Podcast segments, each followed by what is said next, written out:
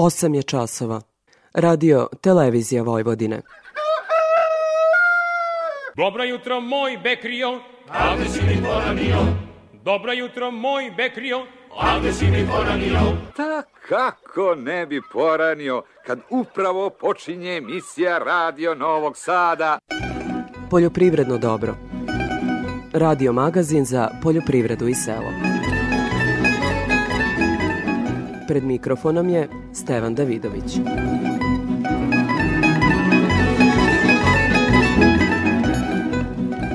Dobro jutro.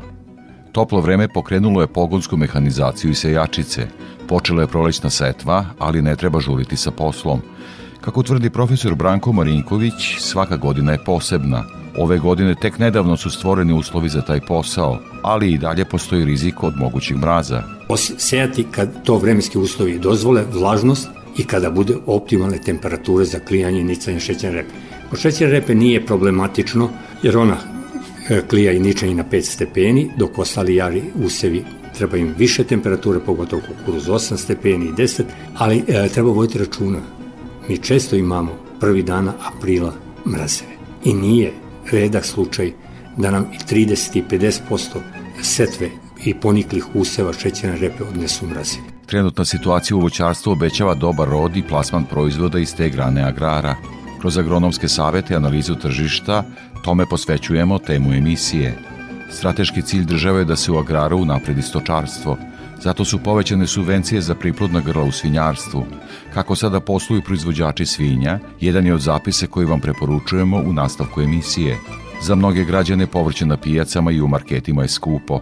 Međutim, proizvođače prate visoki troškovi, a cenu zidaju trgovci, tvrde povrtari. O tome takođe govorimo u nastavku. Počela je prijavu nove elektronske registra poljoprivrednih gazdinstava, a za dva meseca elektronski identifikacioni broj preuzelo je 236.000 poljoprivrednih gazdinstava, izjavila je ministarka Jelena Tanasković. Ona kaže da je uslov za korišćenje subvencija prijava na e-agraru i najavila da će prijavljivanje za subvencije za poljoprivrednike početi 3. aprila. Toliko u uvodu sledi muzika pa izveštaj agrometeorologa.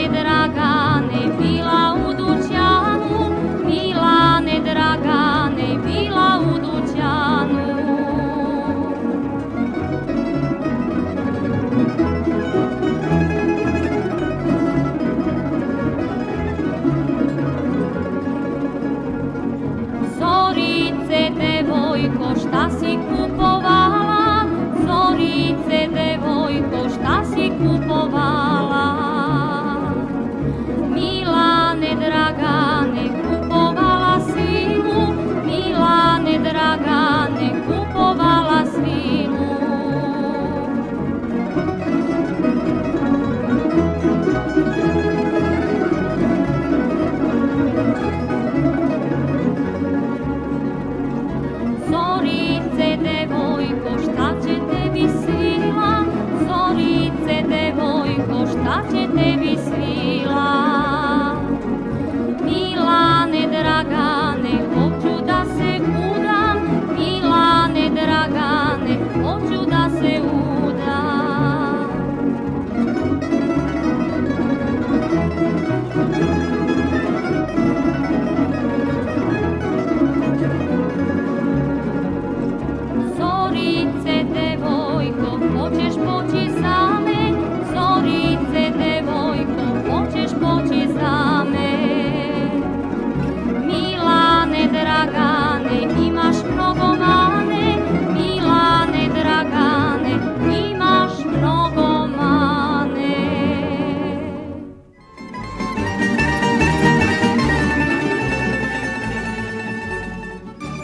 Kao što smo najavili u uvodu, u prvim minutima poljoprivrednog dobra sledi izveštaj agrometeorologa iz Hidrometeorološkog zavoda Srbije Liljane Đingalašević. Proteklih sedam dana obeležilo je suvo i toplo vreme. U jutarnjim časovima početkom perioda bilo je slabih do umerenih mrazeva na 2 metra visine i u prizemnom sloju vazduha. Pojava mrazeva u ovom periodu nije predstavljala opasnost za ozime ratarske i voćarske poljoprivredne kulture koje su pokrenule vegetaciju. Maksimalne dnevne temperature vazduha su bile u intervalu od 15 do 23 stepena. Agrometeorološki uslovi tokom perioda bili su povoljni za pripremu i početak rane prolećne setve, prihranu ozimih useva kao i radove u voćancima i vinogradima. Slabe padavine su zabeležene sredinom sedmice na istoku i jugoistoku zemlje. Procenat padavina u poslednjih mesec dana u odnosu na proseke u Vojvodini i zapadnim i južnim delovima zemlje između 150 i 300 procenata, dok je u ostalim područjima oko 125 procenata. Zaliha vlage u zemljištu je dobra, što uz više temperature vazduha i setvenog sloja obradivog zemljišta čine optimalne uslove za intenzivni rast i razvoj ozimih useva, voća, vinove loze i drugih poljoprivrednih kultura. Tokom proteklih sedam dana uočeno je prisustvo biljnih bolesti. U usevima pšenice koji se nalaze u fazi od kraja bokorenja do prvog kolenca prisutni su simptomi sive pegavosti lista pšenice, pepelnice žita i lisne rđe. Kod voćarskih kultura sa prvim padavinama može doći do ostvarenja infekcije mladog lisnog tkiva jabuke, prouzrokovačom čađeve pegavosti. Takođe u zasadima kajsija, bresaka i nektarina koje su u fazi cvetanja može doći do infekcije cveta prouzrokovačem sušenja cvetova, grančica i grana koštičavog voća, monilioze, zatim infekcije cveta prouzrokovačem kovrđavosti lista breskve. Vremenski uslovi su povoljno uticali i na aktivnost insekata štetočina. U zasadima kruške registrovan je početak piljenja larvi obične kruškine buve. Kod ratarskih kultura u usevima uljane repice utvrđeno je prisustvo male i velike repičine pipe i repičinog sjajnika u niskim brojnostima. Prema prognozi početkom sledeće nedelje očekuje se oblačno vreme sa padavinama uz osetan pad temperature i pojačan vetar. U sredu i četvrtak se prognoziraju jutarnji mrazevi na 2 metra visine slabog intenziteta do minus 3 stepena, a pri tlu izraženiji ponegde i sa temperaturom nižom od minus 5 stepeni. Preovlađivalo bi promenljivo oblačno i uglavnom suvo vreme. Od petka se očekuje porast i jutarnjih i dnevnih temperatura, a uslova za kratkotrajnu kišu biće samo na severu Srbije. Za Radio Novi Sad iz Republičkog hidrometeorološkog zavoda Ljiljana Đingalašević. EPP. Pitali smo širokolisne i uskolisne korove iz kukuruza šta ih najviše plaši u njivi.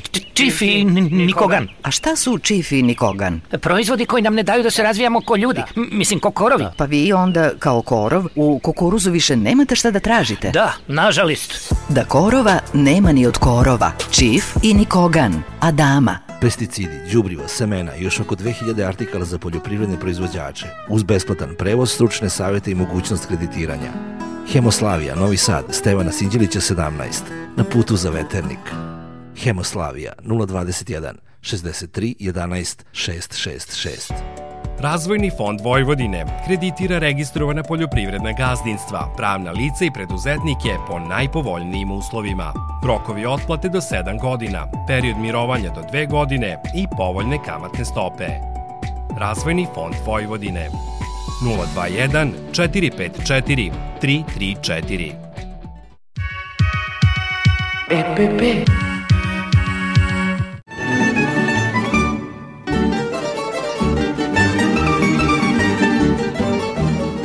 Naredni minuti rezervisani su za aktuelnu setvu šećerne repe.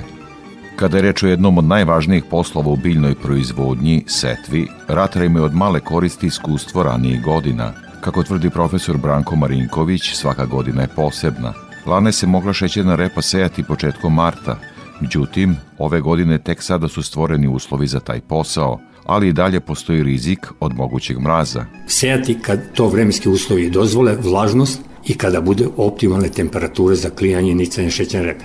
Kod šećerne repe nije problematično jer ona e, klija i ničanje na 5 stepeni, dok ostali jari usevi treba im više temperature, pogotovo kukuruz 8 stepeni i 10, ali e, treba voditi računa. Mi često imamo prvi dana aprila mrazeve i nije redak slučaj da nam i 30 i 50% setve i poniklih useva šećerne repe odnesu mraze. Jedno od važnih pitanja u setvi je gustina sklopa, odnosno koliko opteretiti njivu biljkama. Dva su osnovna pokazatelja. Korekcija gustine setve u zavisnosti od rasporeda azota po dubini profila i od količine vlage u zemljištu. Ta dva parametra daju jako veliku verovatnoću i upozoravaju šta i kako raditi. Ako sećate, ja sam u sušnim godinama u proleće upozoravao i 12. i drugih godina šta raditi. Znači, jednostavno, ako je loš raspored azota, ne mora biti e, mala količina zimskih padavina, nema vrhunskog prinosa. Ako je loš raspored azota, znači velika količina azota u površinskom sloju i mala količina vlage, ne mora biti opet samo padavine. Može biti da ja nisam čuvao vlagu iz prethodnog perioda, nema vrhunski prinos. Može da se desi da u toku vegetacije imamo optimalnu, da ne kažem idealnu količinu padavina. Prinos ako je loš raspored azota i mala vlaga, ne može da pređe prosek, prosek te njive.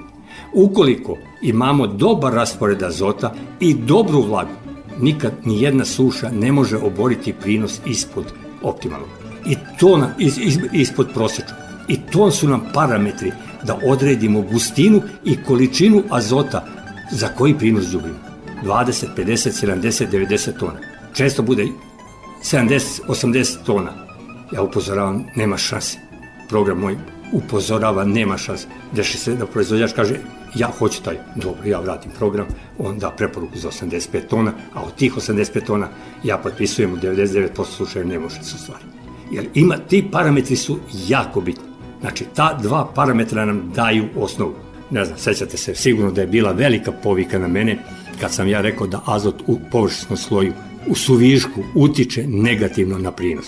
Bilo je nemoguće, biljke se hrane iz sloja 0 do 30, nije tačno. I sad je bilo ono, da li je ovako ili onako, jednostavno, jedno 5, 6, 7 godina posle tih mojih prvih radova se jedan Amerikanac ohrabrio da kaže da azot u sloju od 0 do 30 kod kukuruza preko optimalne količine deluje negativno. Znamo to, zašto ne, ne, ne, ne, ne, ne primenjujemo, zašto često neke stvari donosimo odluke, ne znam kako. Ali ponavljam, znači, jedna njiva može da ima dobar raspored na približno istom lokalitetu, 500 metara dalje druga njiva nema taj raspored. Jedna njiva može da da, jer ima dubok humusno akumulativni horizont, može da da 80 tona, druga ne može da da više od 70 tona.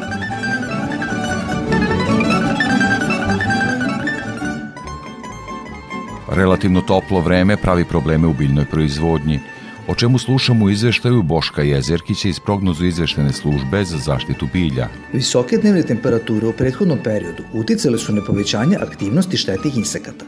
Krenut ćemo od ratarskih useva. U usevima uljane repice registruje se prisustvo repičinog sjajnika. Uljane repice su u setljivim fazama razvoja pupoljaka, kada sjajnik svojom ishranom može napraviti velike štete. Preporučuje se pregled useva u najtoplijem delu dana i ukoliko se uoči pristup sjajnika na nivou praga štetnosti, koji iznosi 0,8 sjajnika pod cvasti u fazi početka obrazovanja pupoljaka na terminalnim cvastima ili 1 do 1,5 sjajnik u fazi kada su pupoljci jožni diferencirani izbijeni u cvasti, primjena nekog od registrovanih insekticida. Pregledom parcela s prošlogodišnjom proizvodnjom suncokreta uočeno je pristup stepskog polca i peščara. Ovi insekti su na suncokretu, ali i na drugim jarim okopavinama, tokom 2022. godine pričinili značajne štete u početnim fazama razvoja useva, naročito u regionu srednjeg banata. Zbog povoljnih uslova za preživljavanje insekata i visoke brojnosti iz prethodne godine i ove godine postoji rizik od nastanka šteta od ovih insekata u početnim fazama razvoja jarih okopavina. Setva šećerne repe u toku, a na feromonskim klopkama koje su postavljene na prošlogodišnja repišta registruju se visoki ulovi odrasih jedinki repine pipe koja izlazi sa mesta prezimljavanja. Zahlađenje koje se najavljuje za narednu nedelju smanjit će aktivnost ove štetočine, ali svakako treba konstantno pratiti njeno prisustvo, pogotovo na novo posejanim usevima šećene repe, jer najveće štete nastaju u početnim fazama razvoja biljaka. Značajne i primjeni preventivnih mera borbe, poput primjene plodoleda, prostorne udaljenosti novih od starih repišta, izlačenje lovnih kanala, kao i setva lovnih pojaseva. Što se tiče zaštite od prozrukovača bolesti, u prethodnim emisijama smo govorili o visokom procentu biljaka sa simptomima bolesti u svima stanih žita.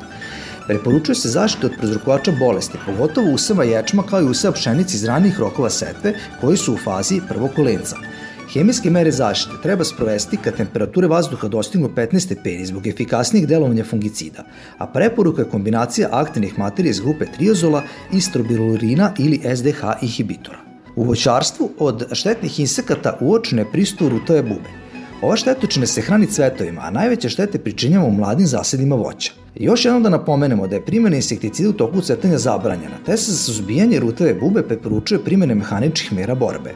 Ove mehaničke mere borbe podrazumevaju postavljanje belih hit plavih posuda sa vodom uz dodatak atraktanta kao što je cimet, anis, negro, bombone i slično, u što većem broju postaviti ih po obodu, a manji broj rasporediti po unutrašnjosti parcele. Kao posuda mogu poslužiti veće čaše lavori, pa čak i plastičan burat beli ili plave boje. Zakoraljavanje voćnjaka do precetavanja je isto dobra mera kako bi se smanjila aktivnost ruteve bubne na cvetovima voća. Kod ove štetočine treba napomenuti i njenu migraciju u za hranom, tako da one se prvo hrane na korovskim vrstama, kao što je prema slačak, a zatim prelaze na cvetove kruške, jabuke, jagode i drugih biljaka. E, te je, pogotovo u mladim e, e, zasadima voća, veoma važno da i pre početka cvetanja postavimo klopke za rutavu bubu. Što se tiče bolesti, preporučuje se zaštita zasada košičevih voćnih vrsta koje su u fazi cvetanja od monilioze. Ovde je veoma važno napomenuti da se uspešna zaštita provodi samo preventivnim merama, odnosno primjenom fungicida pred navljene padavine. U jabučicima je počela zaštita od čađe pegovosti liste i krastvosti plodova jabuke. Zrele askospore navedenog patogena su prisutne u voćnjaku, kao i osetljiva zelena listna masa jabuke, tako da se sa svakim narednim padavinama postoji rizik od infekcija ovim patogenom. Prilikom suzbijanja e, čađeve pegovosti liste i krastvosti plodova jabuke takođe je veoma važno sprovođenje preventivnih mera zaštite. Iz prognoza izveštene službe zaštite bilja Boško Jezrekić.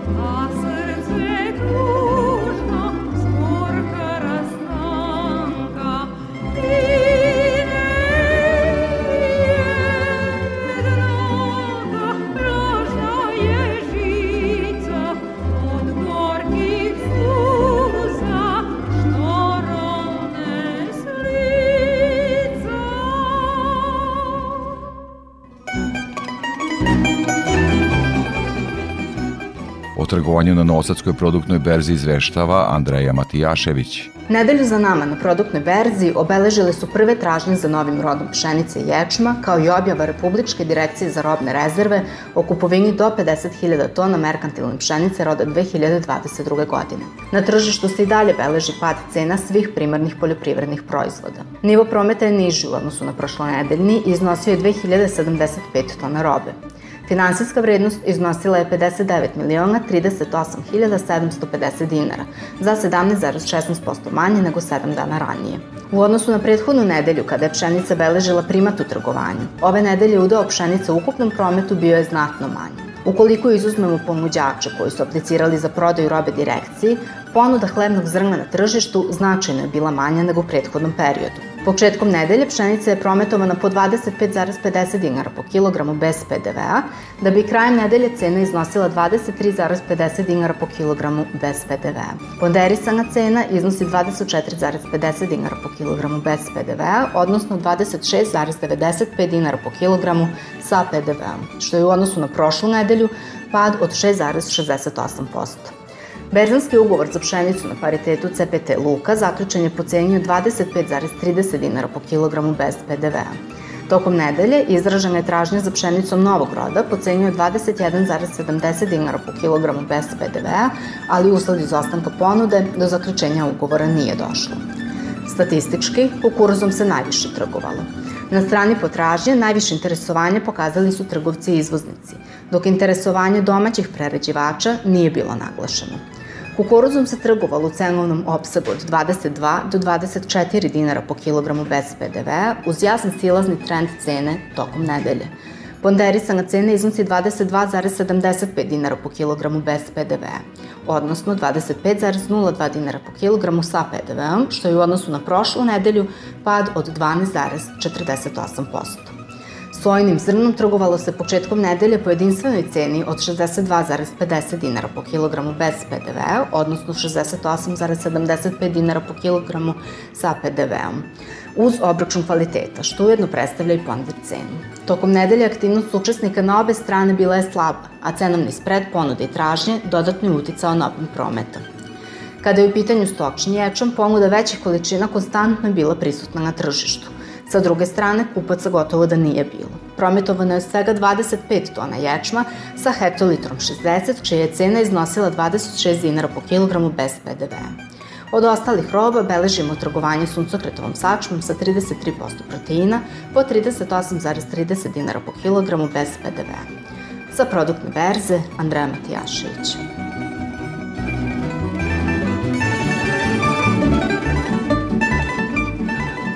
Kao i svake nedelje pratimo izveštaj o cenama sa tržišta žive stoke. Iz Infotim Logistike izveštava Gordana Jeličić.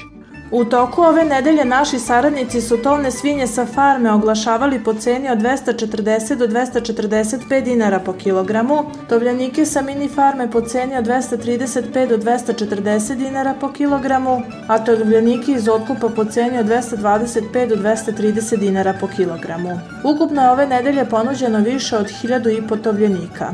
Tokom nedelje pregovori su bili na nivou cena do 240 dinara po kilogramu za farmsku robu. Iako je najava od strane klaničara za iduću nedelju da plaćaju niži nivo cena do 230 dinara po kilogramu, već i danas beležimo dogovore na 240 dinara po kilogramu za farmsku robu.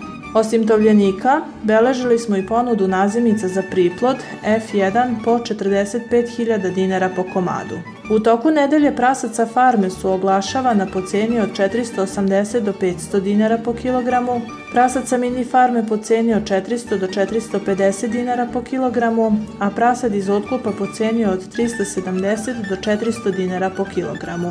U ovoj nedelji imali smo ponuđeno oko 1000 prasadi. Zbog slabe operativnosti robe i dalje se beleži širok raspon cena u pregovorima za prasadima različitih kategorija i kvaliteta. U oči predstojećeg praznika očekuje se veća ponuda prasadi za klanje. Više od 600 jagnjadi ponuđeno je po ceni od 333 do 417 dinara po kilogramu, ovce za klanje po ceni od 150 do 185 dinara po kilogramu. Klaničari imaju povećano interesovanje oko nabavke jagnjadi za naredni period, ali nivo cena koji bi plaćali je do 350 dinara po kilogramu sa uračunatim PDV-om. Ponude bikova Holštajn oglašena je po ceni od 268 do 277 dinara po kilogramu, bikova simentalaca po ceni od 326 do 332 dinara po kilogramu. Ove nedelje ponuđeno je više od 60 komada bikova. Po rečima kupaca, nije bilo većih cenovnih pomeranja oko pregovora za bikove. I dalje smo u rasponu cena 2,7 do 3 evra po kilogramu sa uračunatim PDV-om. Junice su bile u ponudi na 305 dinara po kilogramu, a krave za klanje na cenu od 218 dinara po kilogramu. Kad je živina u pitanju, možemo da primetimo slabu operativnost tovnih pilića na terenu. Cena jednodnevnog pileta ove nedelje je od 46 do 65 dinara po komadu. Cene su izražene bez PDV-a. Za Radio Novi Sad, Gordana Jeličić iz Info Team Logistike.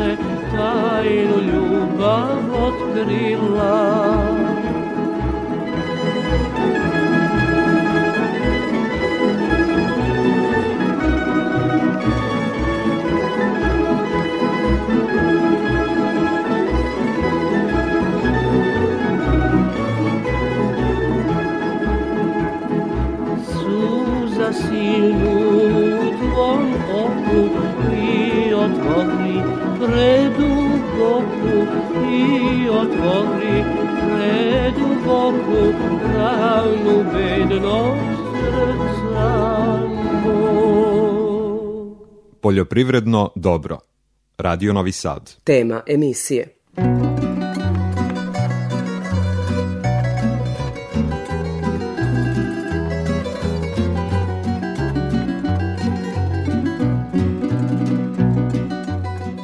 U temi emisije govorimo o voćarstvu. Kostu studio profesor Zoran Keserović. Profesore, e, relativno toplo vreme za ovo doba godine. Šta to znači za voćarstvo? Pa jeste, ja to pratim poslednjih deset godina da se javlja jedan topao period u januaru ili februaru mesecu i da kasnije, najčešće u trećoj dekadi marta ili početkom aprila dođe do niskih temperatura koje nanesu jako velike štete. I ove godine smo imali u januaru mesecu dosta toplo vreme koje je uticalo na brži razvoj generativnih pupoljaka, Međutim, ja očekujem da će ovo biti, a redke su takve godine, jedna od rodnijih godina.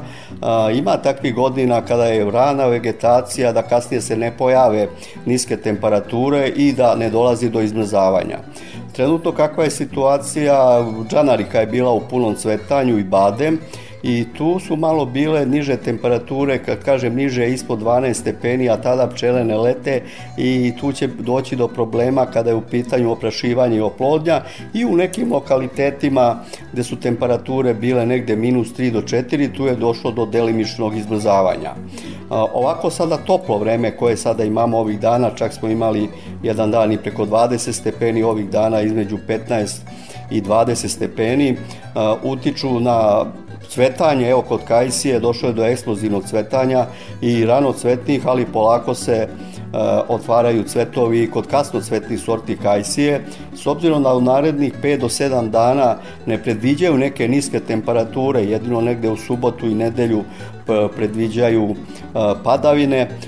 Mislim da će doći do cvetanja dobrog, visoke su temperature, pčele lete, potrebno je jedan dan da bude dobar da bi došlo, bilo uspešno oprašivanje kod ove voćne vrste i plodovi će odmaći u fenofazi razvoja. Tako da ako se i pojave niske temperature u trećoj dekadi trećoj dekadi marta ili kraje marta meseca, one neće značajnije moći da nanesu štete ovoj voćnoj vrsti koja je u posljednjih 10 godina izmrzavala jako dosta, imali smo velike štete, pogotovo u ravničarskom delu, e, čak i preko 90% u pojedinim regionima. Može jedino da se javi riđasta prevlaka na plodovima zbog pojave niskih kasnih temperatura. Međutim, ukoliko bi se pojavile niske temperature, najčešće se pojavljuju negde u prvoj dekadi aprila meseca, one bi mogle da nanesu štete drugim voćnim vrstama koje kasnije cvetaju, recimo kod trešnje koje su jako osetljive, pogotovo sorta kordija ili, ili kod kruške kod kruške. Ako se tada jave niske temperature negde ispod minus 2 u predsvetavanju, a predsvetavanje je najosetljivija fenofaza, onda može, može do, da dođe do značajnijih muzanja. Dešava se nekada da bude u drugoj dekadi aprila meseca, onda bi štete mogle da budu kod nekih ranocvetnih, ranocvetnih sorti, sorti jabuke. Neka je moja procena da s obzirom kakav je potencijal ove godine, da ukoliko se u narednom periodu ne dese niske temperature ispod 2 i 2,5 stepena, da ovo može da bude jedna možda od rodnijih godina posle 2013. godine kada smo imali negde preko milioni 600 hiljada tona voća u Srbiji dobar rod u najavi, a šta je sa tržištem, profesore? Da bi se zatvorio krug i naši voćari imali e, zaradu, mora i tržište dobro da funkcioniše. Kakva je trenutna situacija? Pa vidite, mi smo svi kompletno imali lošu procenu kada je u pitanju jabuka na početku i savjetovali smo mnoge koji, koji su lagerovali jabuku da je prodaju, s obzirom da je proizvodnja bila dosta više u Evropi, negde 10 do 15% u odnosu na 2021. godinu. I međutim, evo sada ko je ostavio jabuku, jabuka ima izuzetno visoku cenu izuzetno visoku cenu. I dobro je, vidim da su neki hladnjačari nisu otvarali komore, tako da će oni dobro proći. Ono što je moj savet ove godine, da se ne bi ponovila 2022. godina, kada smo imali znači u julu i augustu mesecu izuzetno visoke temperature koje su uticale uticale na kvalitet plodova, tako da je većina koštičavih voćnih vrsta završila u preradi, a i kod jabučasti kruška isto takođe završila u preradi.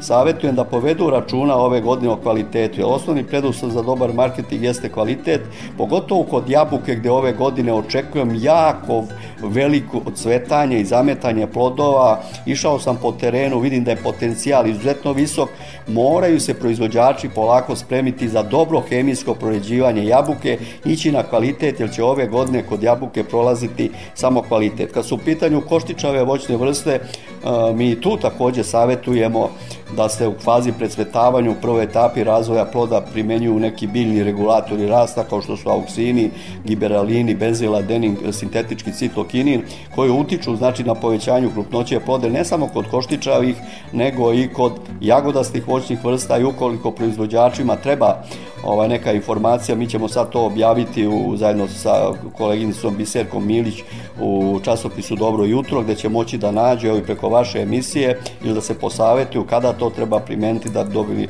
što bolji kvalitet. Kakav je potencijal, odnosno šta možemo očekivati od izvoza u najrazvijenije agrarne zemlje? Pa vidi se, zna, zna se da se smrznuta višnja malina ovaj, najviše izvozi u Evropu, Francusku, Austriju, Austriju, Nemačku. Mi smo imali cenu 2022. koja bila izuzetno visoka kod maline, jel tako, otkupljivali su po, ne znam, 400 dinara, pa čak 500 i 600 dinara i kasnije pogotovo mali hladnjačari su se suočili sa izvozom smr, smrznute maline. Mislim da je tu država izašla u susret. Tu je jedan problem koji traje, nije od juče, on traje 20 i nešto godina da su zapravo hladnjačari odvojeni od proizvođača, proizvođači nisu akcionari u, u hladnjačama i mi smo radili sasvim drugačiji e, taj sistem u odnosu na južni Tirol kao u pitanju jabuke gde su već svi proizvođači, znači akcionari u svojim hla, u, kod tih hladnjača.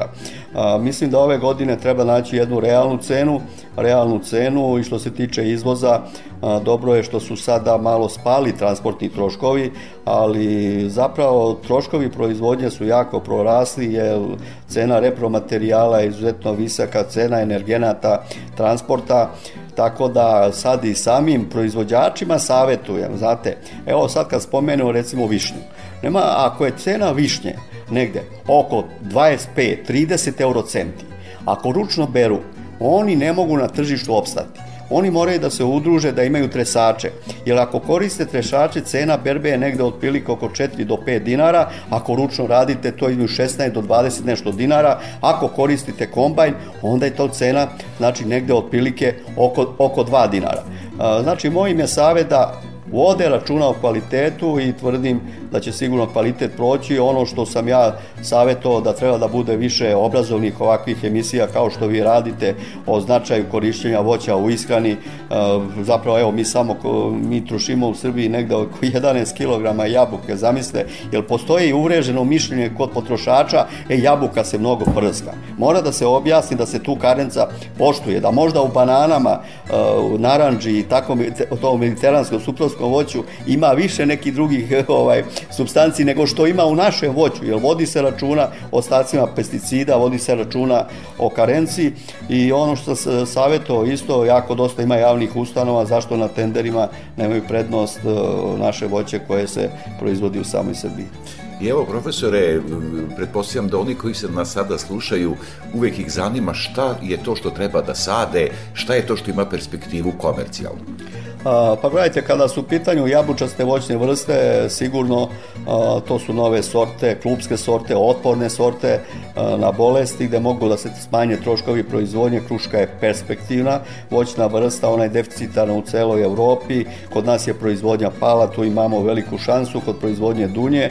Kada su u pitanju koštičave voćne vrste, mnogi podižu savremene zasade da koriste sorte koje su za rakiju, jer očigledno da rakija ide jako dobro, kao što je čačanska rodna krina i sad jedna nemačka sorta koja se zove Top Taste koja nakupi preko 22% rastvorljivih suvih materija. Ono što je moj savet možda da idu na neke kasnije sorte kao što je sorta Prezenta Top Taste koja stiže izme, tu pre otprilike Stenleja i Čačanske rodne, ali Prezenta se u našim uslovima bere negde otprilike oko 20.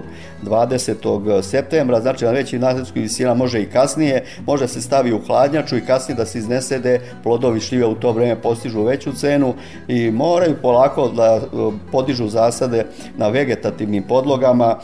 Kajsija isto perspektivna voćna vrsta, ovde proizvođači jako greše, uvek traže kasno cvetne sorte, najbolje je da ko, koriste rano cvetne i kasno cvetne sorte, nekad rano cvetne sorte zametnu, odmaknu u razvoju, kasno cvetne dođe mraz pa izmrznu, znači najbolje imati dve rano cvetne, dve kasno cvetne sorte, višnja je i dalje perspektivna voćna vrsta, o trešnji da ne govorim, samo da ne prave ovde velike greške kao što su do sada pravili, jer su jednostavno birali neke sorte koje su osetljive na niske temperature. Kod jagodastih voćnih vrsta, jezgastih voćnih vrsta, sigurno da je e, najinteresantniji orah i to pogotovo orah sa lateralnom rodnošću, lateralnom rodnošću leska, s obzirom da je Ferrero ušao ovde u Srbiji da, da otvara prerađivačke kapacitete. Badem, evo u Fruškoj gori ja sam obelazio sada i tu neke sorte kad se kombiju rano cvetne i kasno cvetne sorte možda bude jako interesantno i kad bi rekao sada proizvođačima da može i pistaci u Srbiji, ima proizvođača koji u Donje Matecu ovaj, e, Vita Igić, evo, koji ima u svom dvorištu koji svake godine rađa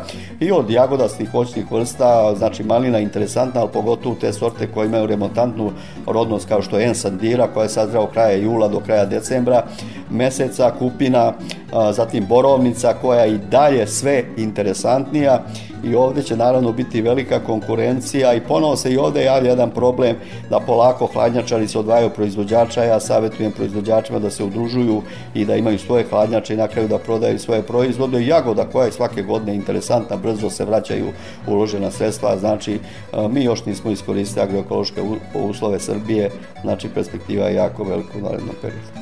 I za kraj razgovora, profesora, u pripremi ste mi rekli da evo odmah nakon ovog razgovora idete studentima da pokažete i nešto oko rezidbe, možda kao savete našim e, proizvođačima za kraj razgovora. Pa vidite, ja nisam na departmanu zadužen za praktičnu obuku, ali sam rešio da prenesem svoje znanje i studentima druge, treće i četvrte godine.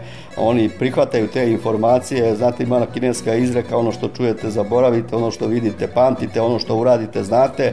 Ove godine smo posvetili jako veliku pažnju, koleginica Biserka mi kao šef katedre je predložila da odmah na početku semestra tih prvi pet dana bude zadužena za praktičnu obuku i mi smo išli na rinske šančeve, znači kompletno prolazimo sva svaku voćnu vrstu, pokazuje im uzgojne oblike. Evo danas će imati priliku da vide oblačinsku višnju koja je kalvina na magrivi, jer nema izdanaka, što je novina sada u Srbiji, novina u Srbiji, ali mnogi greše i kod rezidbe i kod rastojanja. Ja ću im pokazati kako treba formirati uzgojni oblik za, za tresače, kako za kombajn, a kako za ručnu berbu. Profesore, veliko vam hvala za ovaj razgovor i učešću u programu Radio Novog Sada. Hvala i vama.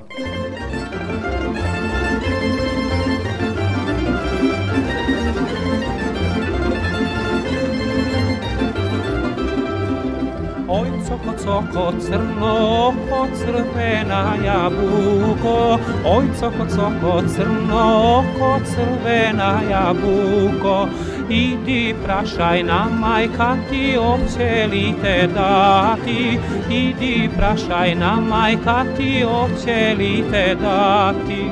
Pitala sam, prašala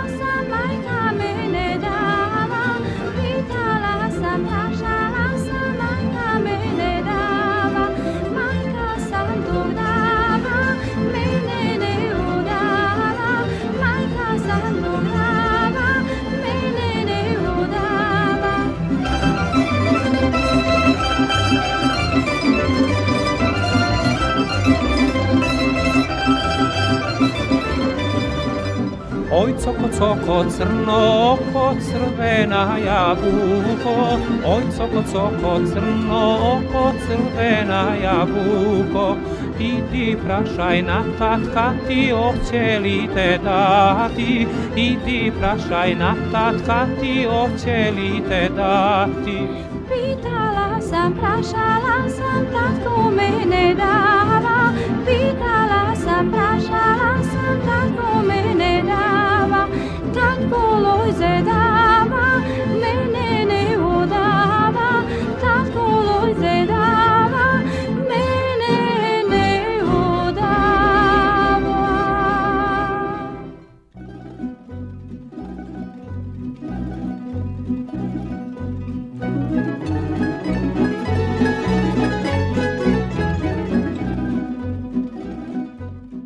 Strateški cilj države je da se u agraru unapredi stočarstvo.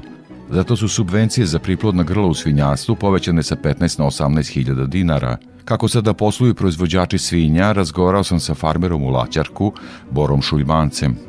Boro, kakva je situacija u svinjarstvu? Država pokušava da obnovi naše stočarstvo. Ima li efekt? Ima efekta, malo je pomak, odnosno konačno smo dočekali i mi ove, da će da, da, da jedan, jedan prozor svetlosti malo i našu u granu da, da obasja, trenutno imamo dobru cenu i tovljenika i prasadi, tako da sad i proizvođači prasadi i tovljenika mogu da budu zadovoljni. Možda da podsjetiš kolika je cena tobljenika trenutna? Trenutna cena tovljenika 240 plus PDV, a prasića je negde oko 450-500 plus PDV prasića za to. I tako da su to sad momentalno odlične cene, ali su one prouzrokovane to su dosta i visoke cene, ali su one preuzrokovane ovom situacijom u svijetu. Trenutno to doma, domaće tržište nema nikakve veze. Staničari dalje imaju slobodan uvoz, nego je sad došlo do do problema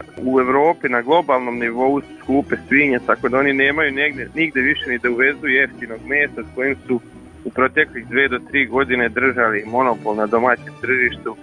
E sad je na svetskom, odnosno na evropskom tržištu to dosta poremećeno i oni su tamo dosta svinja zbog loše situacije pa teko dve, tri godine pobili i smanjili i sad jednostavno imate na evropskom tržištu deficite koji su i se i kod na, na našem tržištu odrazili. Jednostavno ne isplati im se uvoz još uvek ovaj, tih, tog mesa iz Evrope i na taj način je i cena samim tim otišla i kod nas gore. Kako komentarišu prerađivači ili drugim rečima, da li shvataju da ako nema domaće svinje neće biti ni proizvodnje na duže staze?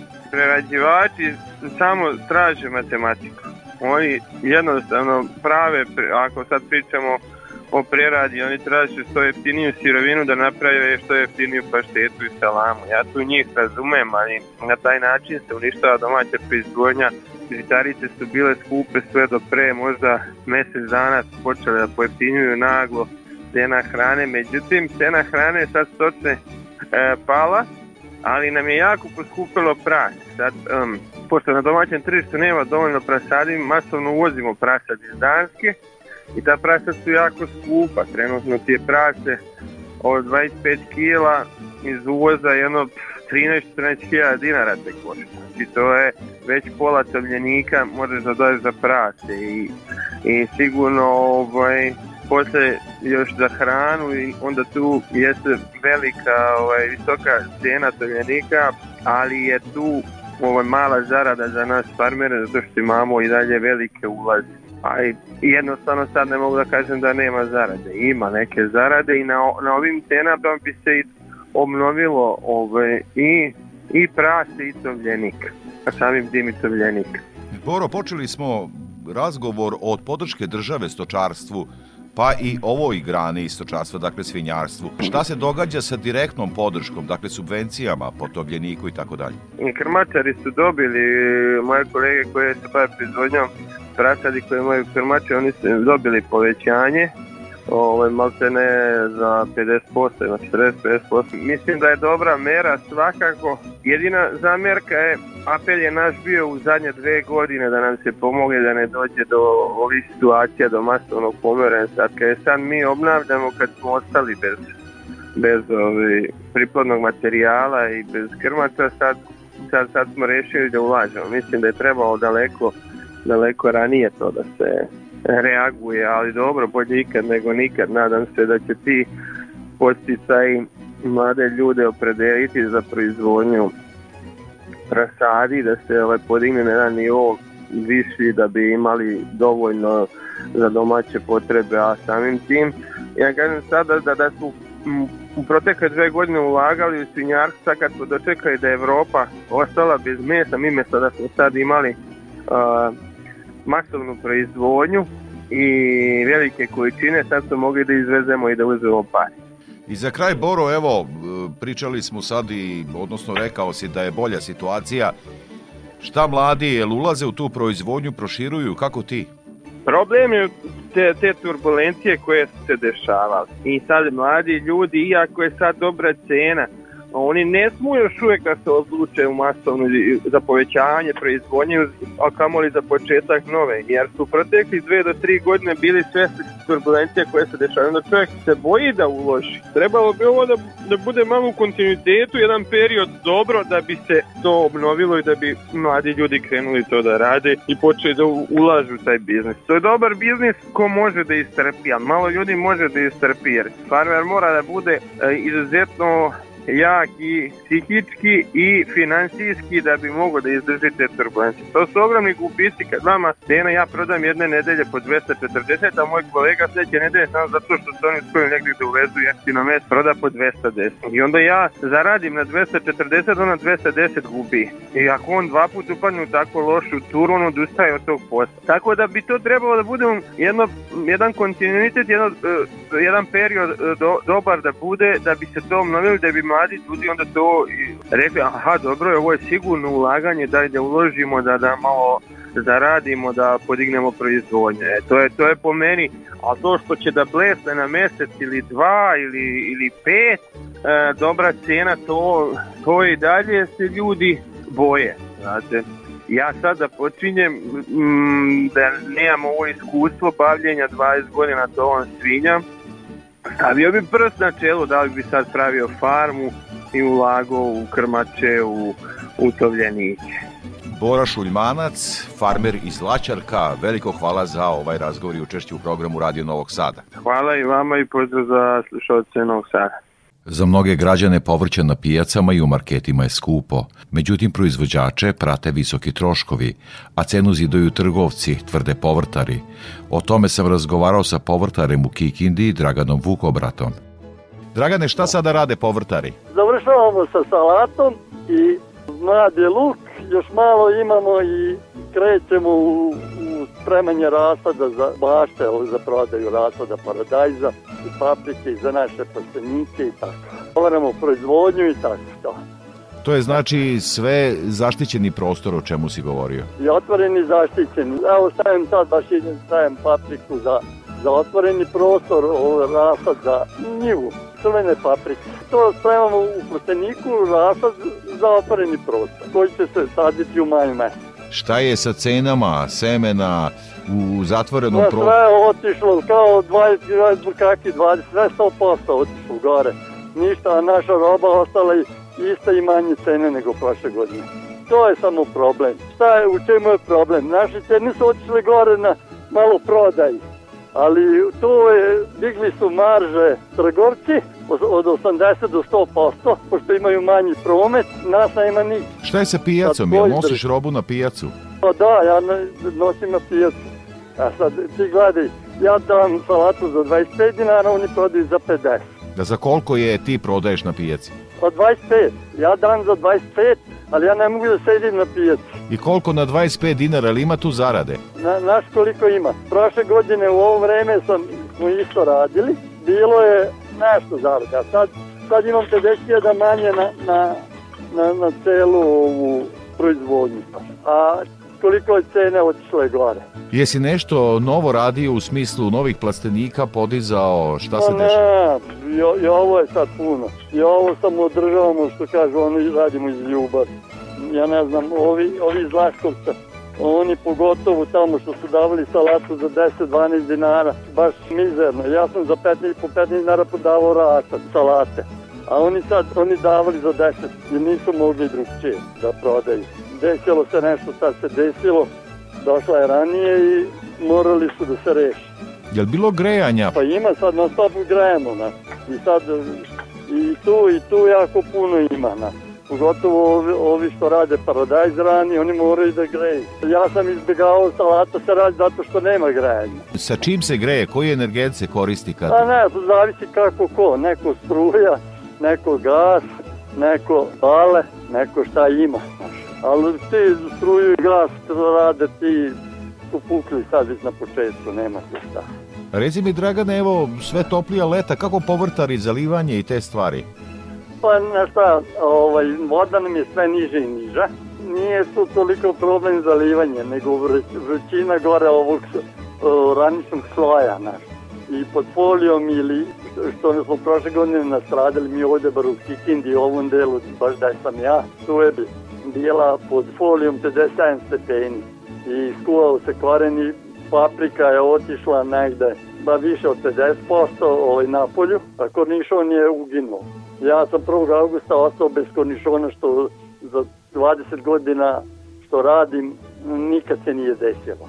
Uvek dovučem do, do prvog mraza, da, da li je to oktobar 10 ili, ne, ili 15 ili 1. oktobar, ali do oktobra je bilo, sad 1. augusta. Taman, ja sam imao sreće što sam isplatio ovaj, ulaganje moje i onda je stao. Nije bilo više pri, prinosa, ni prihoda, ni prinosa. Kad sam trebao ja nešto da zaradim, a ima ljudi su ostali dužni silne pare. Mreže za senčenje ne pomažu, ili ima tu pa nekog ne, leka? samo to, to je mukotrpan posao. Ovdje ko nas dune vetar i odnese to. To ne, ne može, ne može se uradi na ovoj njivi drugo je to u voćnjaku, to ti uradiš stabilno, a ja bi trebao da da, da premeštam to. To nije isplativo na ovu cenu, a i nema ko da radi. Pre svega nema ko da radi. A to sam upravo hteo da te pitam, kako s radnom snagom povrtarstvo traži pa mnogo? Pa nikako smanjim, kad me napusti koji radnik smanjim za toliko proizvodnju i to je. Udruženje povrtarc, povrtara ba, Banatska linija iz Kikinde, šta su Da. trenutne aktivnosti, jer Pa nema, na šta nema ni aktivnosti. Pokušavamo, ne znamo, nešto kako, ovaj, i tu mora neko da radi, ali svi, smo, svi radimo naš posao. I ljudi se, što su radili, tu oko Banske zaposlili se, ne, ne mogu da žive od toga. I evo, možda da završimo sa tim. Evo, malo smo se dotakli tog zalivanja, visokih temperatura, stvarno sve toplije lete, evo i trenutno dok razgovaramo izuzetno toplo. Pa evo, ja Kako sam najći procenjuješ? kraćen rukajima, da. Kako procenjuješ da će to uticati na, povrtar, na povrtarsku proizvodnju? Pa, šta, ne znam, vidjet ćemo, znaš, a, može biti, ali ne mora. Evo sad je dva, tri dana toplo, pa onda ovaj, krajem meseca predviđuju opet minus temperaturu. Ne, ne znam, nemam, nemam opšte viziju u budućnosti, šta i kako. Vi, vidim da ovaj, ovi što nam nabavljaju semena, svi kukaju, ne znam, kao ljudi nemaju para, pa ne znam odakle. Ja. I, i uopšte, uopšte samo da napravim komentar za, zašto je bila ovaj, zašto je toliko salate posađeno ove godine uopšte u, bilo u Srbiji a sad, sad, sad neće biti uskoro ali zašto? Zašto prošle godine nisu imali ljudi ovaj, e, ni- nisu zaradili ono što su mislili zbog te vrućinčine i svega.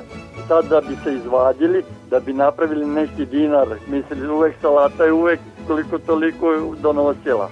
Nasadili su puno salate i međutim e, on, posle su vadili njihove troškove samo, ali nisu ništa zaradili. Dragane, veliko ti hvala za ovo javljanje u Molim. program Radno, Radio Novog Sada. Svako dobro želim. I vama. EPP. Pesticidi, đubriva, semena i još oko 2000 artikala za poljoprivredne proizvođače, uz besplatan prevoz, stručne savete i mogućnost kreditiranja. Hemoslavija, Novi Sad, Stevana Sinđelića 17, na putu za veternik. Hemoslavija 021 63 11 666. EPP.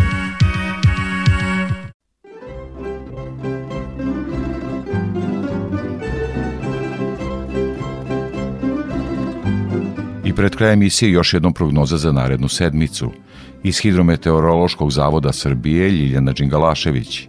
Prema prognozi početkom sledeće nedelje očekuje se oblačno vreme sa padavinama uz osetan pad temperature i pojačan vetar. U sredu i četvrtak se prognoziraju jutarnji mrazevi na 2 metra visine slabog intenziteta do minus 3 stepena, a pri tlu izraženiji ponegde i sa temperaturom nižom od minus 5 stepeni. Preovlađivalo bi promenljivo oblačno i uglavnom suvo vreme. Od petka se očekuje porast i jutarnjih i dnevnih temperatura, a uslova za kratkotrajnu kišu biće samo na severu Srbije. To bi bilo sve što smo pripremili za ovo izdanje poljoprivrednog dobra Radio Novog Sada. Emisiju montirao Jovan Gajić, muziku biro Aleksandar Stojanović. Pozdravlja vas urednik i voditelj Stevan Davidović. Naredni susret je za sedam dana uz podsjećanje da emisiju možete slušati i odloženo na portalu Radio Televizije Vojvodine na adresi rtv.rs. Svako dobro.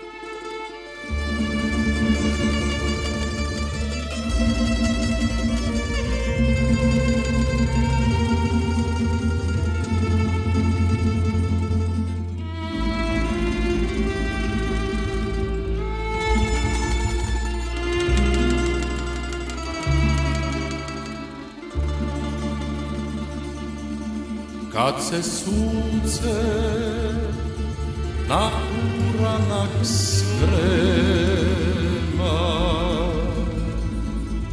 A sokako nigdi